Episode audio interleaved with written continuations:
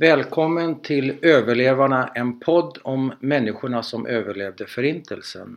Jag heter Bernt Hermele och den här veckan ska du få träffa Adele Schreiber. Och vad fick du syssla med där i, i det här Judenrat? Jag bara hjälpa till vet du, när de skulle skicka iväg människorna. Ja, Det gick i olika omgångar. ja, Antagligen hjälpte jag till, anteckna namn, Aha. vad vet jag. Har absolut inte något minne av det.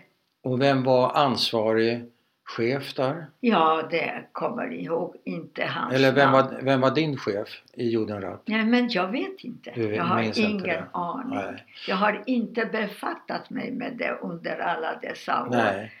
Och hur gammal är du då när du får göra de här sysslorna? Mm. Ja, ja, omkring 20, 19, 20. Och hur, hur ser valsituationen ut för dig? Om du inte gör det här, är du tvingad att göra de här uppgifterna? Eller varför gör du de här uppgifterna? Ja, men jag erbjöd mig. Du erbjöd dig? Jag erbjöd mig. Okej. Nej, nej. Jag erbjöd mig. Jag tänkte, vad ska jag göra hemma med alla dessa, visserligen bästa vänner med Ja. barn. Det, det, var roligare eller intressantare att Ja. medverka där. Men visste du vad det skulle hända med de här människorna som skickades iväg? Nej, nej, oh nej. De sa att vi ska till eh, eh, jordbruk och Ja, arbeta. Och jobba? Okej. Ja. Nej, Så det var, nej. det var vad ni fick reda på? Förlåt? Det var det ni fick reda på? Att Ja. ja. Att vi skulle ju... Ja. ja. Men till slut så skickas även du och din familj iväg. Och hur går det till? När händer det? Hur går det till? Ja, det var eh, som jag sa 8 juni att Vil- vilket år? 44. 44? Ja. Och när vi kom till, eh, till stationen, där var det en massa, du vet, eh, soldater och allt Ja. möjligt. Och de kastade in mig i en sån här vagn. Ja. Och jag var skild av min, mina föräldrar allihopa. Jag var ensam Okej. med Alice i Underlandet Vad i betyder handen. Med boken? Du hade med dig Alice i Underlandet, okej. Mm.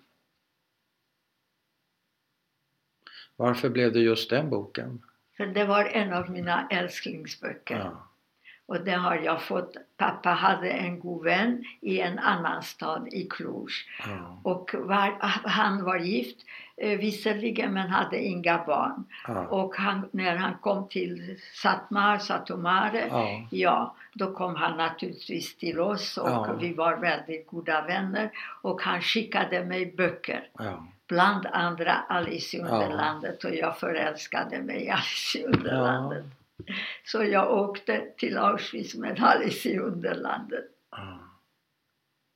Och vad, vad var din upplevelse där i vagnen? Var du lugn? Var du rädd? Var du hysterisk? Var du... Nej, jag var absolut inte hysterisk men eh, hur vad var det? Jag menar 80 stycken i en sån vagn. Ja. Eh, Jag, jag lyckades komma liksom till fönster, Aha. en, en liten lucka. Ja, ja. Ja, och där stod jag, vet du. Så det, det var en massa eh, andra vuxna människor. Nej, det, det, det var ingenting. Så jag mötte inte mina föräldrar, min pappa, förrän vi kom fram till Auschwitz. Och hur lång är den här resan då till Auschwitz? Ja, hur lång då?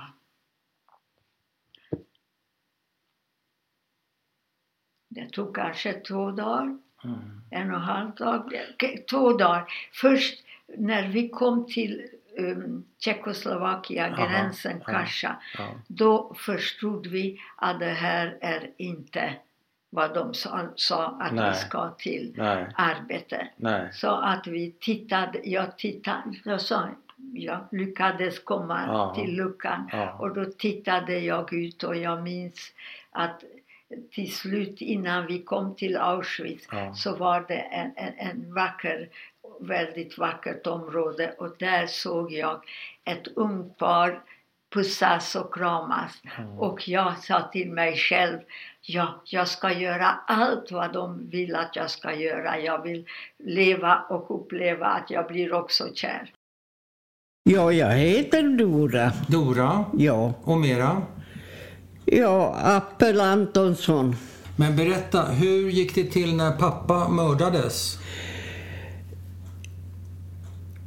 Ja, han kom utifrån, eh, vad heter det, badhuset. Och eh, skulle, synagogan var inte långt ifrån. Och han skulle till synagogan, det var någon Jontef. Någon helgdag? Och då fanns det massa med stenar och käppar och sådär. Och kunde de få ta en jude och döda, då fick de mycket pengar. Och sådär. Så att på den tiden var det... Jag vet inte, men en del har sagt att det fanns antisemiter från Tyskland som kom till små byar för där kunde människorna inte gömma sig. Nej. Vilket år mördades din pappa? Vad sa du? Vilket år mördades din pappa? Det kan inte jag svara. Jag var en skolflicka. Ja. För jag vet så, min mormor lät oss inte gå i skolan i 14 dagar eller tre veckor, jag minns inte. Nej. Vad ska jag säga? Jag har dragit över ett täcke överallt Mm. och försökte glömma. Det är det. Kan man glömma en sån sak? Går det? Glömma kan man inte, men man kan, vad ska man säga, täcka över en stund Ja. och gå vidare. Ja. Och så sen kommer det hela tiden tillbaka. Ja. Så ungefär så är det hos mig. Vi talade inte med sånt om varann. Nej. Eh, Verkligen med mina kompisar eller med släkten eller någonting. Utan när de frågar hur mamma mår eller sånt där. Men vi talade inte om helvetet. Vi försöker lägga undan den Mm. så mycket det går. Det enda jag minns. Ja. Så mormor sa hela tiden Påminn inte mamma om mycket för hon har gråtit tillräckligt. Hon har inga ögon kvar. Och sådär. Så att när mamma försvann hemifrån då visste vi att vi ska gå till Bajsöjlen som det heter på jiddisch. Vad är det? Och eh, Vad, vad är det? där hittar vi alltid mamma. Ja. Hon satt vid pappas grav och grät. Kan du, eh, Dora, berätta om helvetet som du kallar det för? Du, du uttryckte det så. Sen kom Ja, du helvetet. vet att- Berätta om det. Det, Om du orkar. du vet, helvetet det kan man inte berätta och inte glömma. Nej, Det är det. inte berätta det- och inte glömma. Vad ska jag säga? Vi hade klasskamrater Mm. som åt hos oss. Mm. Och på sabbat, särskilt Halle, så stod de i kö Mm. för att komma in och få en liten bit Halle. Ja, bröd. Eh, mina kompisar, de Ja. kristna och så där. Men när de har fått det här Mm. så var jag jävla judinna. Ja. Så då var man inte mera värt Nej. och så där. Så sådana minnen, det kan man inte lägga vid sidan och inte bädda i någonting. Nej. Utan de finns Ja. hela tiden som ett öppet sår. Jag vet inte, jag använder de ord som det går att använda till sånt. Ja. Där jag hade tre bröder, Mm. mycket starka och fina. Men Leider, så fick vi stå och titta tills de skar kniven i hjärtat. Det är, det är som sagt var, sådana minnen, de kan man inte glömma. Så jag heter Josef Rai och är född den 2 januari 1923. Varför skrattar du? Jag skrattar, jag ska förklara, därför att jag har två födelser. Det var nämligen så att jag är född den 16 december 1922. Ja. Men då var det nämligen så att man fuskade lite grann. Därför för att jag ska ett år senare gå till armén. Ja, precis. Det var rätt så vanligt. Ja, det var så vanligt. Så var till och med visan. Det kommer en jude till rabbinen och säger jag har fått en son. Ska jag skriva honom två veckor tidigare eller två veckor senare? Så säger rabbinen varför inte skriva honom den dagen? Åh, vilken underbar idé! Okej. Så jag har två födelsedagar. Så det är, och den dagen när jag tog studenten Ja. Och det var precis den 21 juni 41. Mina föräldrar var i den stora staden Lvov där vi hade släktingar. Ja. Skulle komma till min liksom, Ja, examen, studenten. ja. Ja. Men när jag tog den här studenten ja. kom hem. Visste ingenting. Vi firade det på natten och drack någonting. ja. Men vad gjorde dina föräldrar i Lviv? Ja, de var på besök och hade semester hos vår, och de skulle komma. Och jag gick med tre hundar till den här busstationen. Och så kom bussen och så kom unga människor där, men inte mina föräldrar.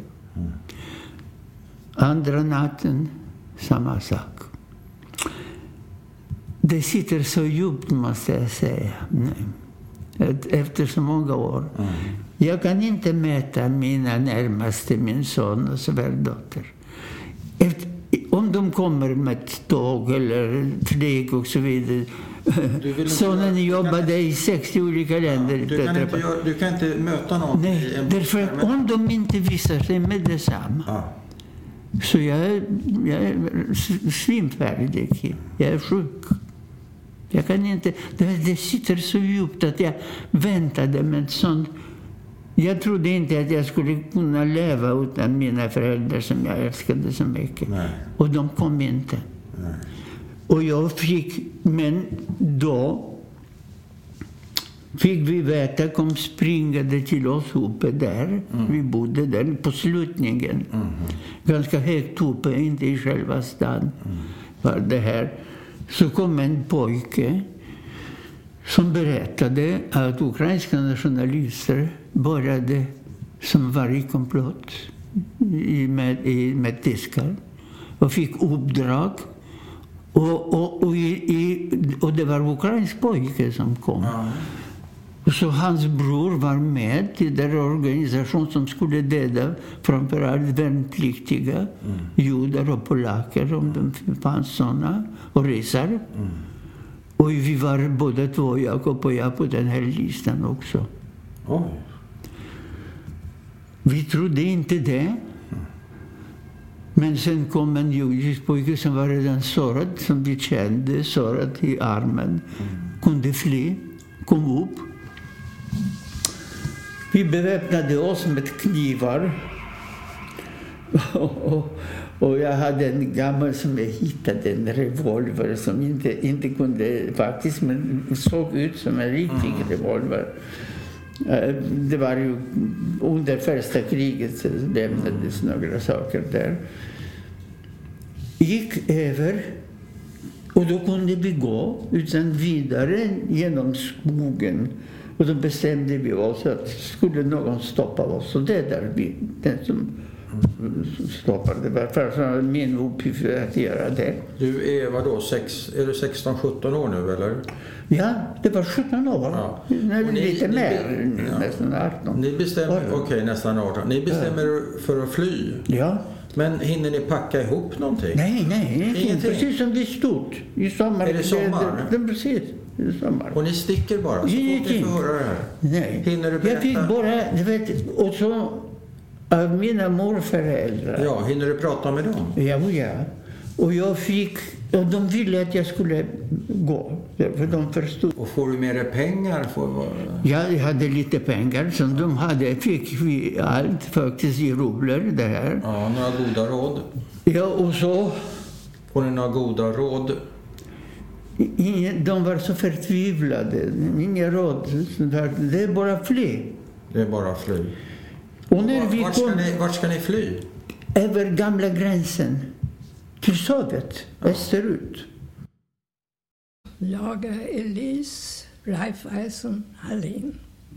Jag har behållit mitt namn Raiffeisen också. Och eh, jag är född i Dorsten i Westfalen i Tyskland. Gick eh, i klosterskola. Både redan i barnträdgård eller vad man ska säga. Dagis säger man väl idag? Dagis, Ja. ja. Och eh, sedan i förskola och sen i början på gymnasiet. Mm. Och eh, sedan blev vi ju avhysta ifrån Tyskland. Mm. Och eh, avhysta till Polen, till Sponshin, Avhyst av vem? av tyskarna. Mm. Hur går det till? Ja, det gick till att de väntade på mig när jag kom hem från skolan. Mm. Och eh, då eh, hade, hade de väntat på mig och min, eh, min mamma, min pappa hade de tagit. Oj. Och Och vilka var det som väntade på dig? det var poli, polisen. Okej. Och då fick vi tillbringa den natten, tror jag. I- var någonstans väntade de? Det Uppe var i? Dorsten. Där, Ja, där men eh, stod de uppe vid lägenhetsdörren eller utanför porten? Stod- Nej, de var inne i lägenheten. De var inne i lägenheten? Ja, då. Och, och de var väldigt snälla. De sa till mig att men du ska ta... Eh, för det var ju ännu tidigt oktober. Så att jag hade väl inte så eh, eh, tjock eh, tröja Nej, eller sånt där. Så, så att, att ja, men ta med dig nu en, en, eh, en, en riktig kappa och, och, Ja. och det. För att Och fick du reda på var mamma och pappa var någonstans? Mamma var fortfarande hemma. Hon var i lägenheten? ja, medan pappa hade de tagit, och det var till eh, fängelset. Aha. Så vi var den natten i fängelse i Och hur, Dorsten. hur ser mamma ut när du kommer in i lägenheten? Kommer du ihåg det? Nej, hennes hon, höll, hon höll på att packa lite, lite grann och Ja. ta, och ta um, eh, lite kläder. Ja. Men vi tog inte alls eh, tillräckligt mycket egentligen för vintern blev ju väldigt kall i Polen. ja. Men du har inget, ingen minne av hennes ansiktsuttryck? Hur hon ser ut? Mm, nej, hon, hon...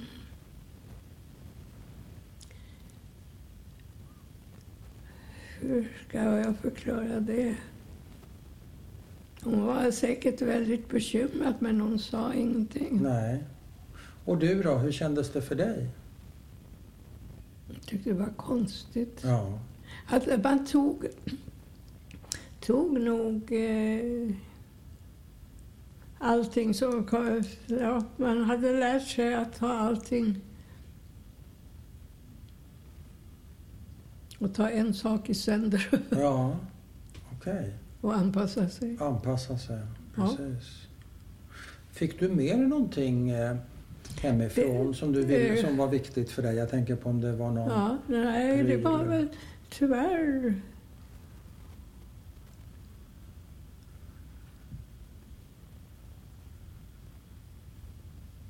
Nej, det, det var väl att sen packade polisen och det packade allting. Jaha. Så min pappa så småningom fick hämta. Och det magasinerades tror jag. Ja. Och lägenheten, förseglades den eller vad hände med den? Den, vad det, det vet jag inte vad som... För att eh, det måste det väl ha gjort för jag fick, aldrig komma tillbaks dit. Välkommen till Överlevarna, en podd om människorna som överlevde Förintelsen. Jag heter Bernt Hermele och den här veckan ska du få träffa Marian Wroblewski. Vi sitter i hans lägenhet på Lidingö. Tack för att du vill berätta din historia för oss. Det var... Tack själva. Mm. Och vad sa du, vad skulle vi börja med sa du? Jo, i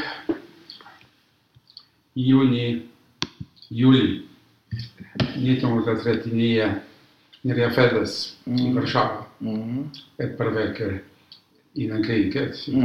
Mm. Jag föddes faktiskt inte som Wroblewski bara som min pappa eh, hette då. Nu kommer överraskningen, för alla trodde att det kom en judisk namn. Ja. Nej, vi, vi hette då Wojcikiewicz. Ja, Wojcikiewicz. Wojcikiewicz. Ja. Och mamma hette Rosenthal eller? Mamma hette så hemifrån Rosenthal. Ja, Rosenthal. Det var Okej. tre systrar. Den äldsta syster, Sabina, hon var min mor. Ja. Hon begick ganska tidigt, redan i gettot, självmord. Hon hoppade från eh, nionde. Hon kunde inte eh, ta hand om mig. Nej. Och det knäckte henne hon hoppade över fönstret. Aha. Och jag uppfostrades eh, efter, efteråt efter hennes två systrar. Ja. En utav dem, Sofia Zosia, hon Ja. blev min mor. Aha. Jag visste inte om det. Nej. Ganska länge. Men vad är ditt första minne? Har du något minne från gettot själv? Eh, Det är svårt för mig att säga uppriktigt. Därför, eller, eller det är min minne riktigt, Ja. eller jag har konstruerat det. Man vet inte sånt. Men som du Att minns, Jag, jag gick, vi gick genom en bro. den här bron som Exakt. eh, Och jag knöt frågade... ihop de två med den ariska gatan i mitten. Ariska eh, gatan under. Ja. Och där gick eh, såna här, vad är det på svenska?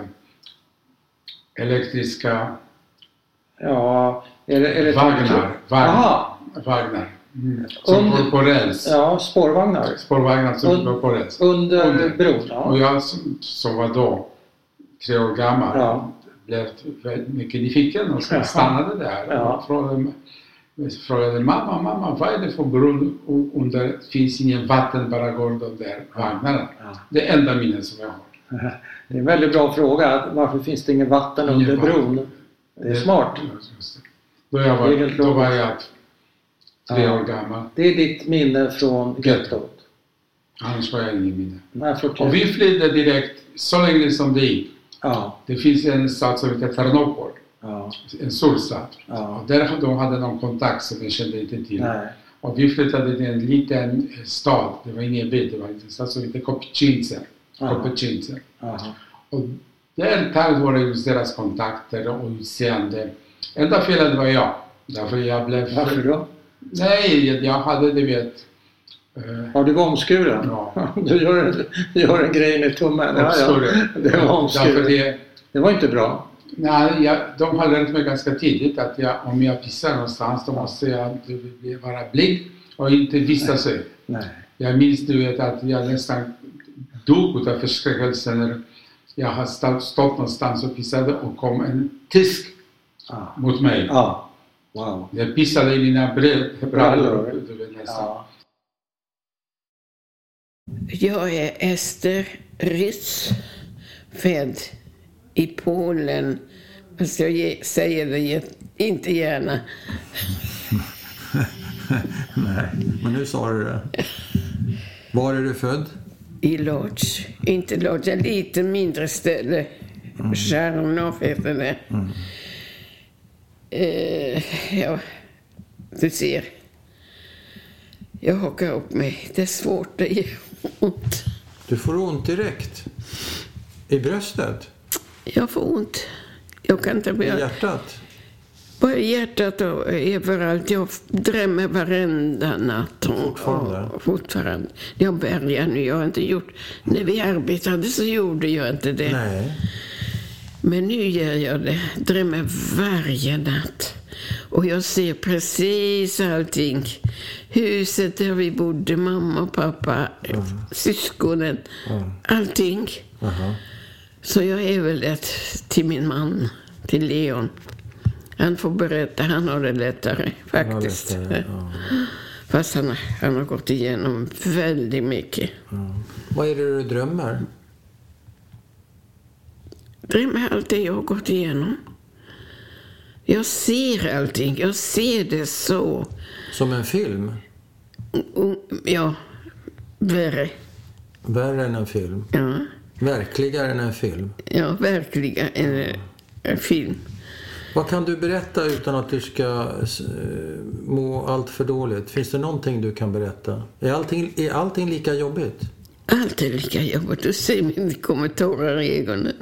Ja. Jag, eh, jag, var, jag var inte fyllda 12 när kriget började. Och då bodde vi i- i Lodz. Och... Ja.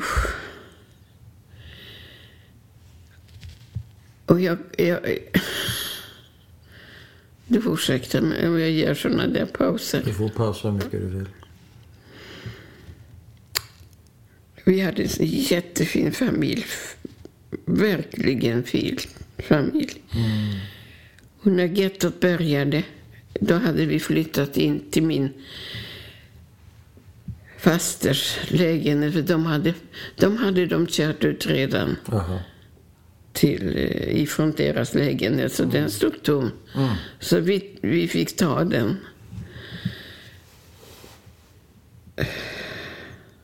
Och du ser, nu, nu, det är jättejobbigt. Och sen när, de skulle utvisa oss från gettot Då gick vi ner, vi- bodde på tredje våningen och så gick vi ner.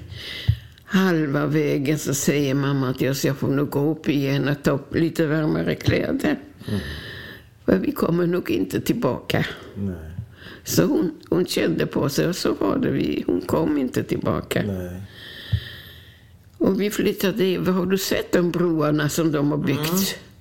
Över flyttade- den Ariska gatan så var det en bro över. Ja. Vi flyttade över på andra sidan.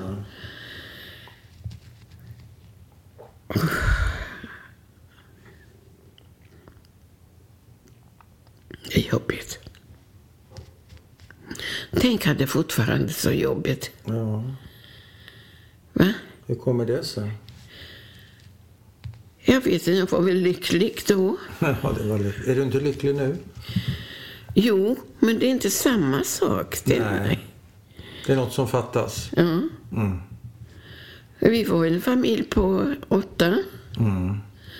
Jag var näst yngst. Och det var en, en lycklig familj och vi tillbringade kvällarna, sabbatskvällarna med sång och musik. Och, Jag, fin- jag heter Peter Kadar. egentligen heter familjen Klein, men jag har bytt till den ungerska, enda familjen bytt till den ungerskklingande Kadar-namnet när jag var 16 år.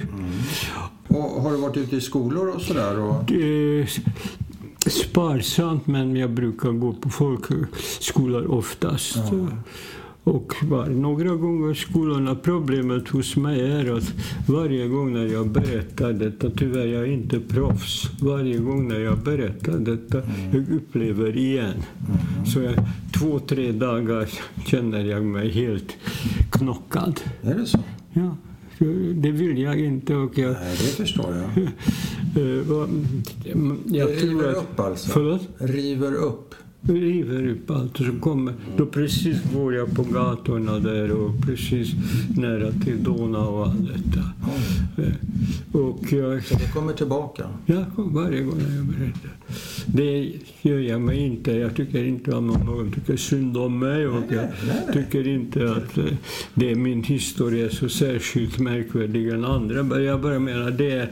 Jag söker psykiatervård om detta och de sa det är typisk posttraumatisk stress. Och då sa jag, fan, mycket trevliga kompisar, hur fan kan man, någonting hände, hände 72 år tidigare, så får jag, Ja, det kan man ta. det kan vara så. Det kan man. Men ska du berätta lite om din familj, var du kommer ifrån, dina föräldrar och så vidare? Ja, min familj kommer en typisk medelklass ungersk familj.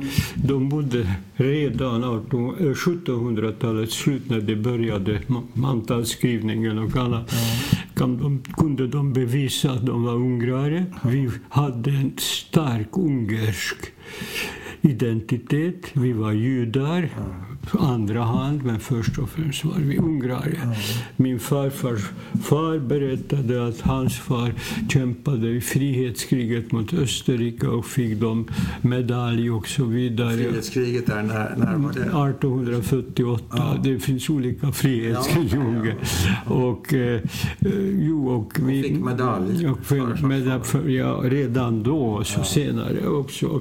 Vi höll på Ungern, inte jag men föräldrar och farföräldrar och så allt, höll på Ungern. Och, eh, vi var stora ungrare. Det första överraskningen var mot detta att på nationaldagen den 15 mars, som är varje år, då barnen i sk- folkskolan gick jag, får man en så liten ungersk flagga på sin skjorta. Så kom en kille och så tog bort den. På så, dig? På mig. Och så sa du Hur är gammal är du då? Eh, nio. Eller- vad säger de? Ja, du, har, du har inte rätt att bära detta. Så ta bort. Så gå därifrån. Kanske han är, jag är nio år, kanske han är elva år eller någonting. Och jag kommer hem och jag är mycket ledsen. Och då säger min mamma, jag bryr dig inte om det. De är dumma människor och så vidare. Min mamma hade en väninna som de jobbade också i samma varuhus som bodde i Subot, eh, Novi Sad. Och 1941 partisanerna gjorde en, kanske vet du om detta historien, eh, gjorde en uppror och då man, alla männen, det var vinter, tog dem till isen. Judar och serber utan utkylning och skjutit dem. Detta var 41. Min mamma blev chockad men hade denna skyddsmekanismen, om jag skulle använda det ordet, att det, detta händer där och vi gör ingen motståndsrörelse. Vi är eh, hederliga ungrare, vi följer myndigheterna. Så Hon det kände att det här angår angår Och vad tänkte du som pojke när du hörde det här? jag var rädd. Men 1944, 19 mars, kom in tyskarna i Ungern. Och då, denna flickans mamma gick upp i åttonde våningen eller sjätte våningen och kastade ner sig. Begick självmord.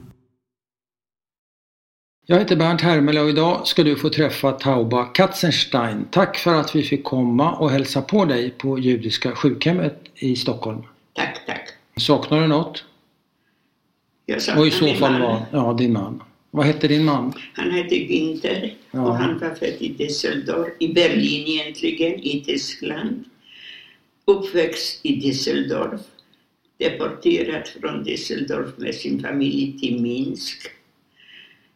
En flicka som han, som, ett, som han älskade, var älskad utav, följde med frivilligt. Hon var judinna på Medernet, pappan var tysk.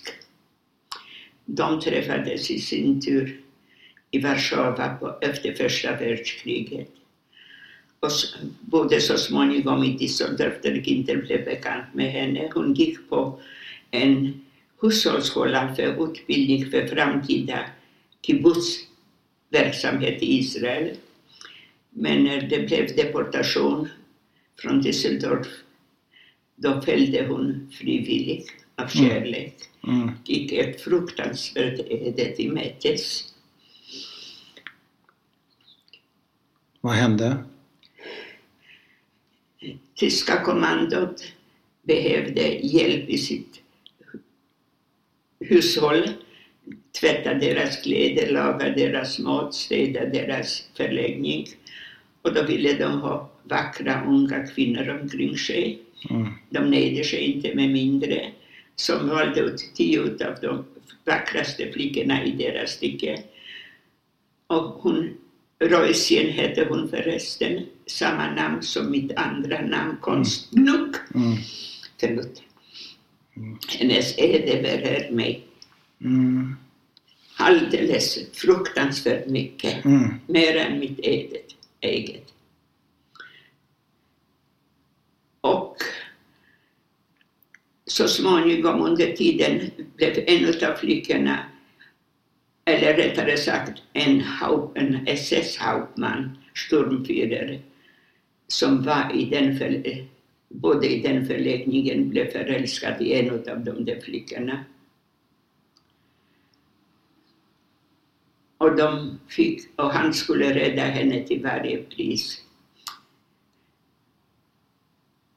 Och tog kontakt genom att det fanns ryska judar också internerade i Minsk getto. Så fick han, hon kontakt med, med eh, partisanrörelsen. Och de ställde upp för att rädda dem. Men ett villkor från sida, från den flickans sida var att det ska vara 25, minst 25 utav gettos ryska invånare skulle få också bli, få plats i, hos partisanerna. Och de lyckades, orga, han lyckades organisera flykten och de kom undan. Men tyskarna tog en blodig hem. De tog de återstående flickorna som gisslan och dödade dem.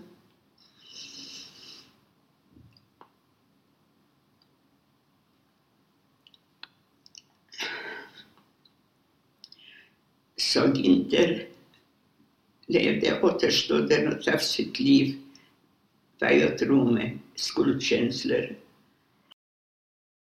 Fall och jag föddes den 27 juni 1933 i Leipzig i Tyskland. Ja. Utav två föräldrar antagligen, fast det var min mor som födde mig. Och hon hette Thea Alexander innan hon gifte sig med Simon Margulis. Var du ett eh, efterlängtat barn? Ja, inte utav min mor eftersom det var eftersom Hitler hade kommit till makten. Men pappa trodde inte på det. Så han förbjöd henne att göra abort. Ville hon ta abort? För de hade jobbat så mycket för oss förut. Ja, ville mamma ta abort? Nej, ja, hon ville göra det först men eh, det var väl bara utav, vad ska man säga, för att bespara oss en svår uppväxt Ja. kan man säga. På grund av Hitler och nazismen? Mm.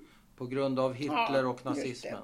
Och pappa då, hur såg han på det där? Han var för godtrogen, han ville inte tro på det. Nej. Har du mardrömmar? Va? Har du mardrömmar? Nej, inte nu. Har du haft? Ja, ibland med de helt andra saker. Om helt andra Som saker? häromnatten började jag drömma om några nazister. Ja. Alltså, jag, sett, jag vet inte varför. Nej. Jag hade sett en artikel om nazister men jag, Ja. jag läser aldrig. Och Nej. jag tittar aldrig på TV. Men det kan komma upp. Men det är mycket, mycket sällan att jag har mardrömmar. Och det är jag glad för. Såg du några nazister på gatan och sådär som marscherade? Va? Såg du några nazister som marscherade på gatorna? Nej, jag vet inte. Men vet du vad? När jag arbetade på Ångpanneföreningen så gick en chef framför mig i brun skinnrock och stövlar. Ja. Jag brakade ihop. Bara såg honom så blev jag en... Då fick jag sådär anfall igen. Du fick ett Nervös. sammanbrott alltså? Va? Du fick ett sammanbrott? Ja, det, jag måste ha sett dem fast, fast jag inte är medveten om Nej. det. För det, det tycker jag också. Jag avskyr brunt och blått. Vill jag Ja. inte ha. Nej. Men vad hände med dig då? Fick du åka in till sjukhuset eller hur? Ja, då fick jag, blev jag sjukskriven igen en period. Du blev Och sjukskriven? det var likadant jag var när jag var ungdom och var i London. Jag var i England på fotbollsläger eller vad det var. Ja. Med hörselskadade. Ja. Så sa min väninna jag åkte med att det var en pojke som satt bredvid mig och bråkade om jude och Aha, sånt. Och då blev ja. jag också dålig. Så då kom jag in på sjukhus i London. Och det var ett jäkla sjukhus. Jag kom in i ett rum med bara här madrassväggar. Jag var stark. Ja. Jag ville ut. Ja. Och slogs. Det var många som höll i mig. Ja. Just, jag trodde aldrig man kunde vara så stark. Nej. Men jag var mycket fileka gammal. Jag hade Ja. kontakt med honom sen för det gick bra. Min syster bilade över till London och hämtade hem mig. Så det var ju bussigt. Ja, det var ruskigt att man kunde bli så stark. Men att, någon, att man att man tar någon minnet av det. Hon sa att han höll på att pika mig hela tiden. Ja, just det. Och det gjorde mig att... Du blev galen. Ja. Ja. Vad kan du berätta om resan till Sverige? Hur gick det till? I vilken Om ordning? resan kan jag inte men Nej, men vad vi vet du? inte mycket med bara bilder som jag har sett. Ja, vad kan du berätta? Vi åkte ju på våren, mars, april eller någonting. Vilket år? 39. Ja. Och vad minns du av resan? Innan kriget hade börjat. Ja. Och mamma kom dagen före kriget bröt ut i september. Första september bröt ut. i- Så kom hon till Sverige. Men varför bodde du inte med din mamma när hon kom? Nej, men Kent. Bernt? Hon kommer till Sverige när hon är fem... Bernt, när hon är 50 år. Ja. Inget språk, Nej. inget jobb, Nej. ingen bostad, Nej. tre barn. Det går inte. Nej. Församlingen hjälper ju inte till med så mycket. Nej. Tydligen, eftersom vi blev utskickade. Så du kan inte bo hos henne? Hon kan, hon kan inte ta hand om dig? Nej. Sen fick ju hon Men- plats på Kaplans. Men när träffas ni första gången när hon kommer till Sverige? Minns vet jag inte heller när vi träffas. Jag vet bara att hon har besökt mig överallt. Och jag tror aldrig att jag haft en sån där riktig mamma, dotter, mammakänsla. Även om man har saknat det.